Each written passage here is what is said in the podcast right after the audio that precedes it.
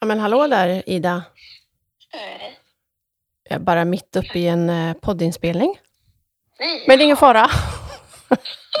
Jag har pausat. jag har pausat. Okej. Ja, ja. Usch, förlåt. Men eh, jag skickade omslaget till dig. Ja, har du gjort det Jag nu? ville bara... Nu, ja. Precis. Ja, men då kan jag gå in och kolla. Eh. Ja, men gör det. Och eh, jag har haft kontakt med Repro där och det de kan få till. Jag har skickat flera filer till dig med eh, framsidan och baksidan på boken. Jaha, vänta här. Ja, jag såg... Det låg bara en i den som jag fick från dig. Och jag har skickat fler.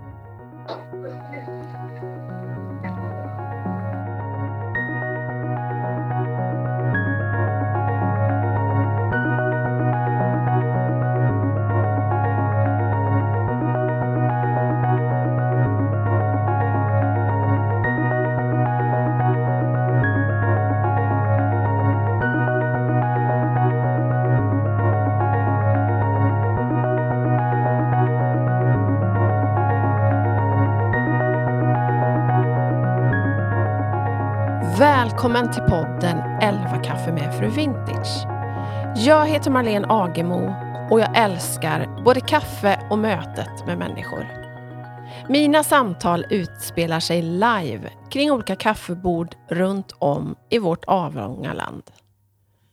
Hela min poddidé grundar sig i tanken att alla människor har en livsberättelse värd att dela.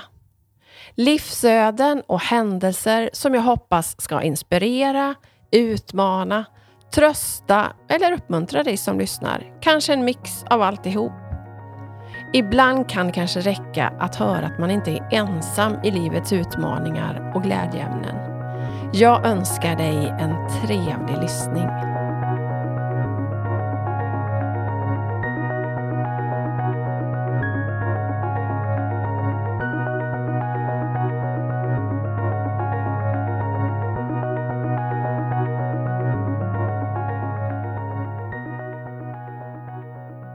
Du är fin mojmoj. Jag älskar dig.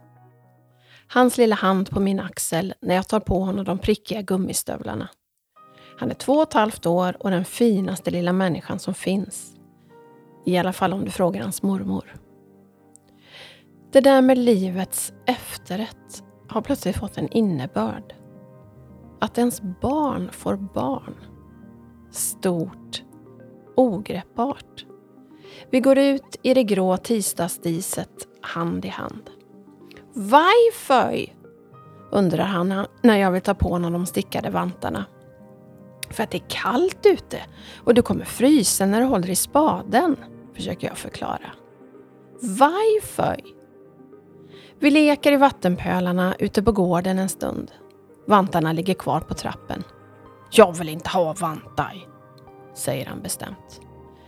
Lika bra det, tänker mormor när hon ser honom köra med den minsta traktorn i handen genom den största vattenpölen.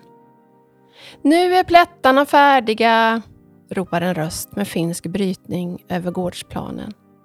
Det är gammelfarmor Maj-Lis som bjuder på mellanmål. Vi kommer! ropar lilla A och springer så fort hans små ben bär. Kom moj moj!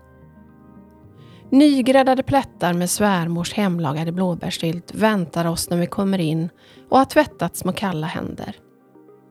Doften får mig att drömma mig tillbaka till min egen barndom. Mormor Ingrid i sitt blåbetsade trähus långt ut på landet i en skog utanför Alingsås. Åh, vad jag minns den himmelska mixen av plättar och blåbär. Ett stort glas kall mjölk att skölja ner den med. Men mest minns jag värmen och tryggheten i mormors kök. En vuxen som tog sig tid. Småpratet. Det välbekanta porslinet. Doften. Mormors mjuka blick när hon såg till att vi åt tillräckligt många plättar.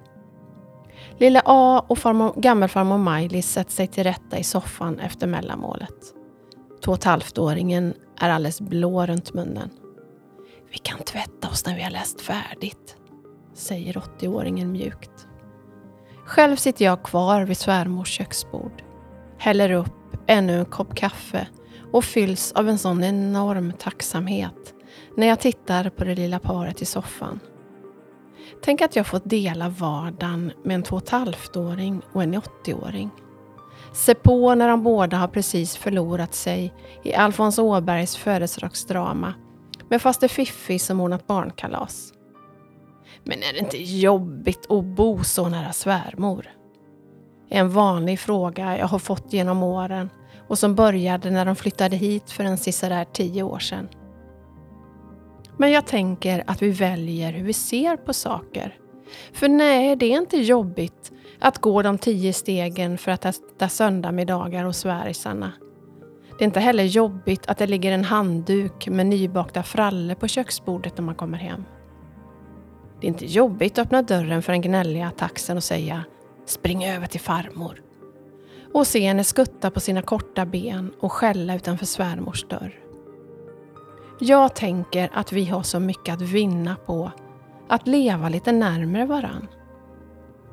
Visst, jag blev galen den där dagen när jag kom hem och såg att svärfar grävt ner betongskivan som grund till deras nya trappa.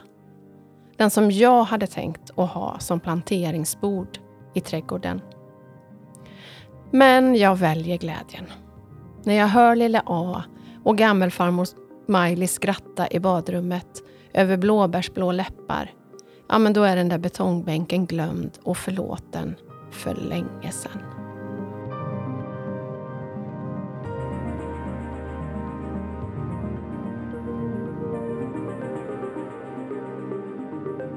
Det där var en krönika som jag skrev till en tidning för några år sedan. Eh, nu har lille A snart, han fyller snart sex år. Gammelfarmor Maj-Lis, hon fyller 83 i sommar. Men de är fortfarande lika viktiga för varandra. Bästisar skulle man nog kunna kalla dem för.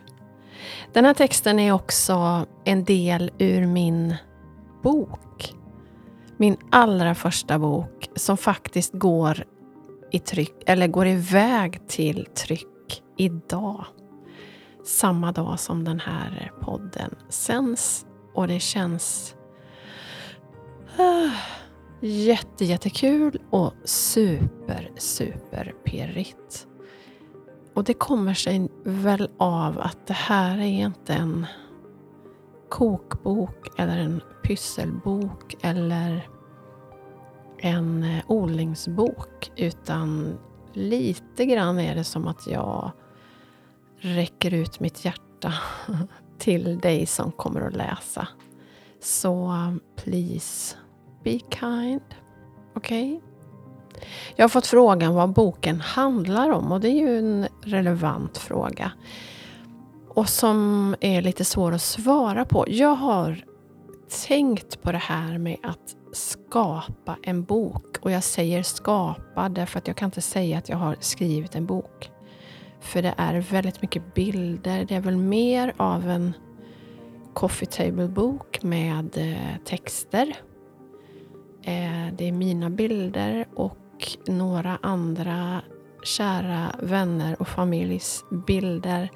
Jag har ju aldrig utgett mig för att vara någon fotograf. Så att det vill jag väl understryka. Men den här boken blev en naturlig förlängning av eh, de inspirationsföreläsningar som jag är ute och håller, som jag kallar för att följa sitt hjärta. Och när jag började ha dem så började jag också tänka att det här skulle kunna bli en någonting eh, att faktiskt också samla i en bok. Så man kan säga att delar av inspirationsföreläsningen, om du har lyssnat till den, kommer att finnas i boken. Eh, så det känns som ett väldigt roligt och bra redskap att ta med sig ut framöver när jag åker runt i vårt härliga avlånga land och håller den här inspirationsföreläsningen. Men det är en bok som är lika relevant om man inte har hört den. Jag skulle väl kunna säga att den faktiskt är delar av mitt liv. Jag delar olika hjärteval som jag har gjort genom livet. Lite grann utifrån tanken, eller övertygelsen faktiskt, att vi väljer väldigt mycket mer i livet än vad vi tror ibland och kanske rent av vad vi är, vågar erkänna för oss själva så har vi väldigt många fler val att göra, möjligheter att välja i livet. Vi kan såklart inte välja vad människor gör emot oss. Vi kan inte välja bort sjukdom eller annat elände. Men dels kan vi ju välja vad vi gör med det som kommer emot oss i livet. Men framförallt tänker jag på de här livsvalen som man så lätt dras med i att alla andra gör så här, ja men då, är det, då gör väl jag också det. Jag ska inte avslöja vilka områden, även om du som har följt mig ett tag säkert vet delar i alla fall. Men jag ska hålla dig lite, jag ska hålla dig lite på halster, hålla dig lite nyfiken. Men jag delar, delar hjärteval jag har gjort. Du kommer också få ta del av olika hjärtemöten, som jag kallar dem. Möten med människor genom livet som på något sätt har satt speciella spår. Du kommer att få möta tant Ingrid i det lilla gula huset. Du kommer att få möta Masale och Rachel från Etiopien. Och du kommer också såklart få möta min favorithöna Babsan. Så som du hör så är det vitt och brett och väldigt skilda ämnen. Men jag ser så otroligt mycket fram emot att få hålla min allra första bok i handen. Och jag säger redan till mig själv att det här var ju inte den sista boken. Det har varit så roligt att göra den. Och jag sa till min man Mackan här före jul att jag ska slänga ut frågan till Ida Mangtorn om hon vill bli, vara min redaktör och formgivare. Om hon säger ja, då kör jag. Och jag vet att Ida är väldigt eh, anlitad. Har många förfrågningar och många projekt som hon redan jobbar med. Men Ida svarade på min fråga. Jag är fullbokad hela året förutom mars. Jag skulle kunna jobba med din bok i mars, så kan du ha den klar då? Och det här var strax före jul och jag hade inte skrivit en rad. Så jag har suttit eh, 24-7 i januari, februari och satt ihop bilder och texter tillsammans med Ida. Och jag måste ju passa på att bara säga ett stort tack Ida. För det här blir så otroligt bra. Jag visste ju det. Att det skulle bli, att jag skulle känna mig nöjd och att du skulle tolka vad det är jag vill eh, få fram och dela med mig av. Så eh, tack för att vi har gjort det här tillsammans. Och jag hoppas att det inte är sista gången. Boken eh, åker som sagt på tryck idag och tanken är att eh, du ska kunna köpa den den 3 maj. Då har jag release. 3 maj släpps den. Eh, och håll utkik på min hemsida och i mina kanaler för självklart ska man kunna förköpa den alldeles strax. Jag håller på att jobba på det, så, så håll ut. Men redan den 3 maj så kommer du kunna köpa boken fysiskt om du råkar eh, befinna dig i Stockholm eller bor i Stockholmsområdet. I butiken Redeco hos Elin, där kommer jag hänga hela dagen den 3 maj. Så från klockan 12 till ungefär 17.30 så kommer jag hänga där med min nya bok och signera och möta dig. Så kom gärna dit, det vore super, superkul. Sen så kommer jag ju fortsätta min lilla turné. Jag kommer att ha en, ge mig ut på en turné, en boksigneringsturné och samtidigt passa på att fira mina fem år med mitt elva kaffe. I maj i år, nej, i början på det här året, så var det fem år sedan jag släppte mitt 11-kaffe. Och sedan några år tillbaka så har jag min egen rostning, Fru Vintage 11-kaffe, hos Gringo Nordic i Göteborg. Ett litet personligt kafferosteri där eh, man tog fram... Vi åkte, min, min eh, yngsta dotter och min son och jag åkte på så kallad koppning ner till Göteborg för några år sedan. Och där, tillsammans med Johan Eklund som äger och driver Gringo Nordic, tog vi fram den smaken som vi tyckte eh, passade till ett elva-kaffe. Så jag kommer också poppa upp med mitt kaffe på den här lilla turnén. Du kommer kunna köpa det på de här olika ställena som jag snart ska berätta om. Och för dig som är ny lyssnare på min podd 11 kaffe med Fru Vintage så är det ju egentligen min farmor Emmy som du också kommer att möta i boken som är hela upprinnelsen till eh, 11 kaffet. För när jag var liten så växte jag upp med farmor Emmy och mostrarna som, vi, som de gick under begreppet. Det var farmors systrar. Kerstin, Gerd och Astrid.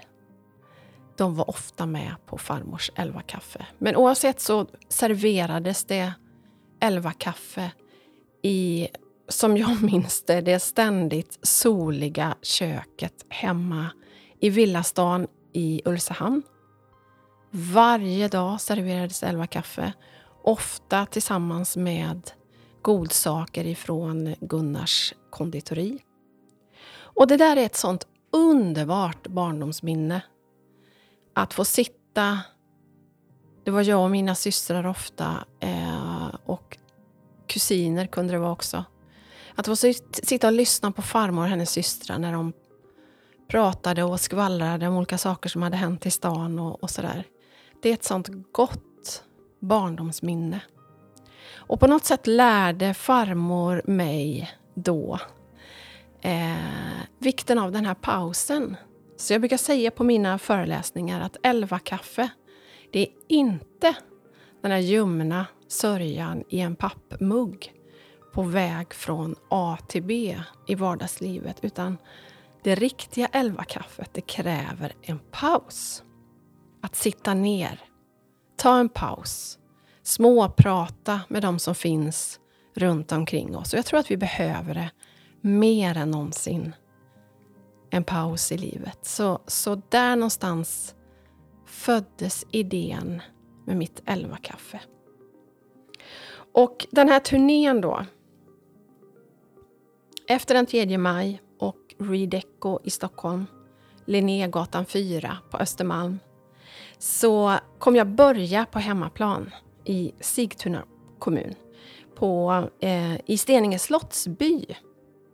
Lördagen den 6 maj, det kommer att komma mer information, men jag vill bara slänga ut det här redan nu, vilka redan har bokat. Sen har jag också slängt iväg frågan på Instagram om du har idéer på vart du tycker att jag ska poppa upp. Så fortsätt gärna dela idéer på eller tipsa om vart du tycker att jag ska komma. Men i alla fall, lördagen den 6 maj så kommer jag hänga i eh, Steninge slottsby på Steningekompaniet. Där blir det boksignering och eh, jag kommer även sälja kaffet.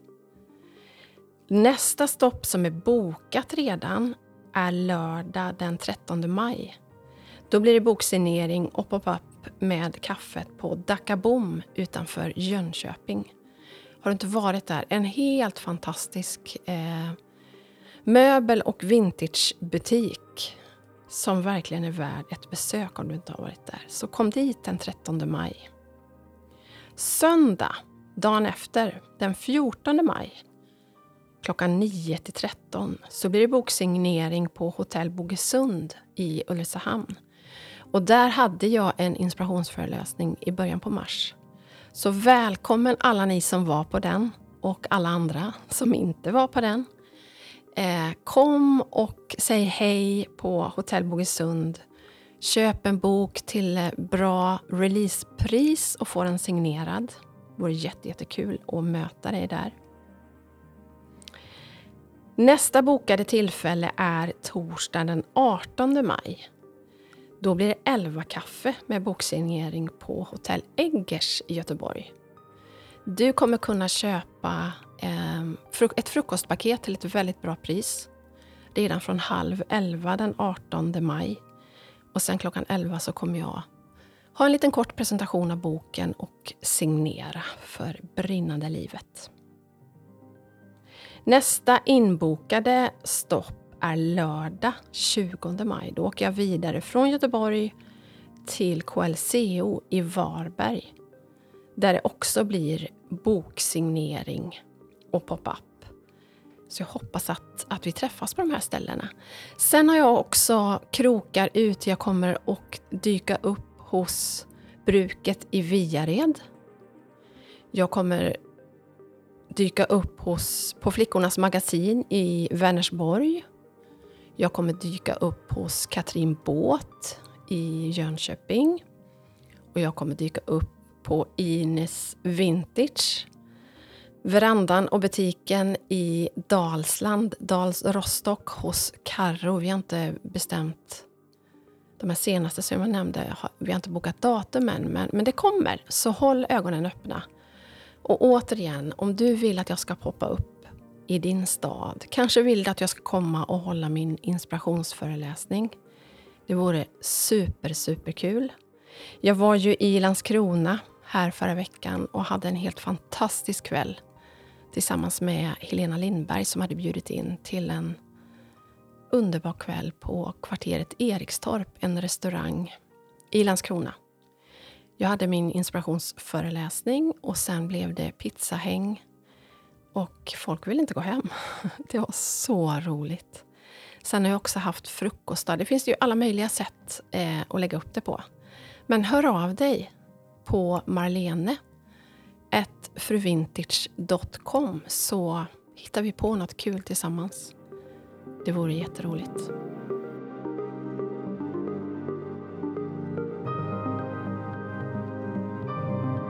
Så vad är det då att följa sitt hjärta? Vad handlar det om?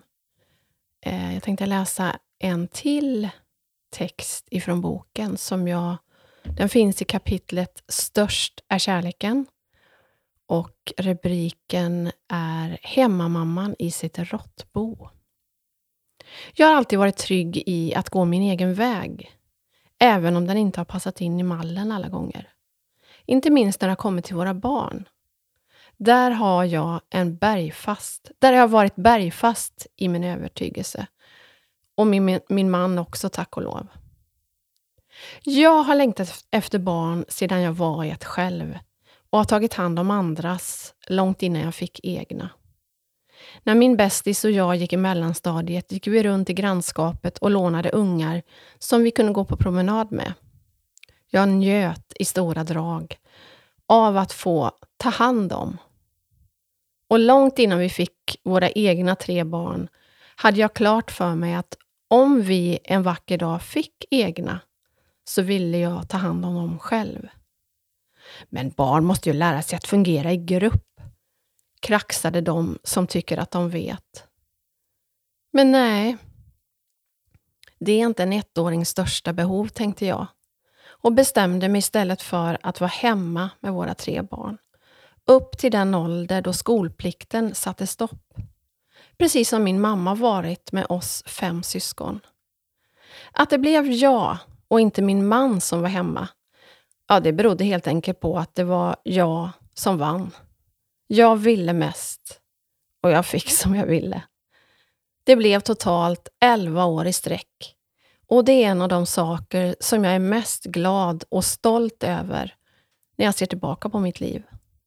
Mitt allra bästa beslut någonsin.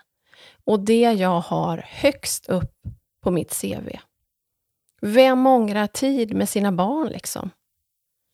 Jag tror faktiskt att många familjer hade mått bra av att slippa den där stressen med jobb och förskola. Åtminstone barnens första tre år. Det borde åtminstone vara möjligt att välja, kan jag tycka. En föräldrapeng för den som vill ta hand om sina små själv. lika väl som att samhället subventionerar förskoleplatser. För småbarnsåren går så otroligt fort. Och den tiden, det är inget vi får tillbaka. Själv vill jag kunna se tillbaka och veta att jag prioriterade deras viktigaste och mest känsliga uppväxtår. Det där med att lära sig att vara i grupp, om det nu är så viktigt, det kommer de hinna med under många, många år i skolan. Och att jobba som vuxen, ja, det hinner man också. Att det har kostat på att välja ett annat sätt än det som samhället bäddar för och som de flesta följer, det är inget att sticka under stol med. Inte minst ekonomiskt så har det varit en utmaning såklart. Ska vi köpa gummistövlar till Ellen eller en jacka till Noah den här månaden? Trots att det inte handlade om några nya saker. Allt handlade, handlade second hand för några tior. Så hade vi ändå inte råd att köpa båda. Vi hade inte det svängrummet. Trots det kändes det aldrig som en uppoffring. Det här var ett aktivt val vi gjorde, att spendera tiden med barnen. Och det gjorde det värt att behöva vända lite på kronorna. Vårt val att leva på bara en lön fick som sagt konsekvenser. Det gjorde bland annat att vi inte fick hyra en tillräckligt stor lägenhet för fem personer i den kommun där vi då bodde. Man ansåg att vi levde under existensminimum och inte skulle ha råd att betala hyran. Ha! De skulle bara veta hur lite vi kunde klara oss på. Detta ledde till att vi köpte vårt allra första hus. Eller ja, kanske var det mer ett råttbo. Via en annons i vår lokaltidning hittade vi det lilla avskavda röda huset mitt ute i en kohage. Där hade hönsnackerskan, som hon kallades i grannskapet, bott hela sitt liv.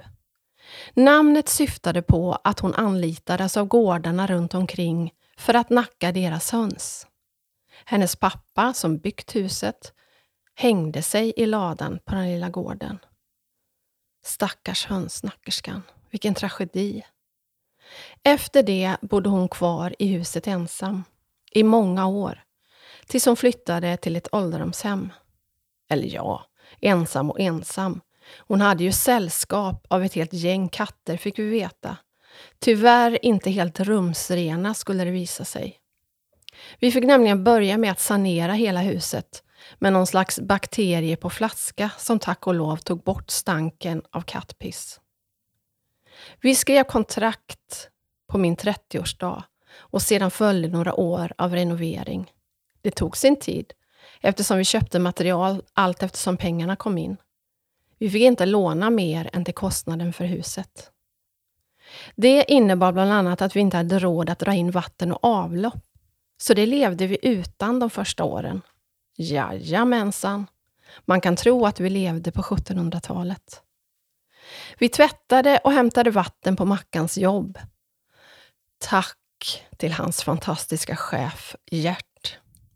Och så duschade vi på badhuset, eller där det gavs möjlighet. Ni kanske vill duscha? var en vanlig fråga vi fick när vi umgicks med vänner. Idag hoppas jag att det var av omtanke, inte av någon annan anledning som den frågan ställdes. När vi flyttade in i vårt lilla kråkbo så bestod det av två rum och kök. Så vi bodde fem personer under de första åren. Trångt, enkelt och utan vatten och avlopp. Men det var vårt. Alldeles egna. Innan vi fick råd att dra in vatten och avlopp så byggde maken en liten bastu ute i trädgården. Det gjorde att vi kunde värma vatten i ett kärl som hängde på det vedeldade bastuaggregatet och duscha. Hemma! Sicken lyx, tyckte både ungarna och vi. Ja, för är det något som vi har lärt oss under de där åren när vi levde under så kallat existensminimum, så var det att man faktiskt klarar sig på väldigt lite. Och det är nyttigt att upptäcka att man faktiskt överlever. Även om det såklart var rena himmelriket den dagen vi kunde vrida på kranen i köket och få rinnande vatten, så gick det förvånansvärt bra utan. Nåja, Nog var det lite bökigt med allt konkande av vattendunkar. Det kändes alltid lite krångligt att man var tvungen att hälla upp vatten i en kanna för att sedan hälla det över disktrasan för att kunna torka av köksbordet. Men höjden av bök, som vi säger i Västergötland, var nog ändå när, när man glömde att dunken med diskvatten som stod i skåpet under diskhon redan var full. Det märktes väldigt tydligt när överskottet rann ut som en sjö på köksgolvet efter att man dragit ur diskproppen. Ja, ja.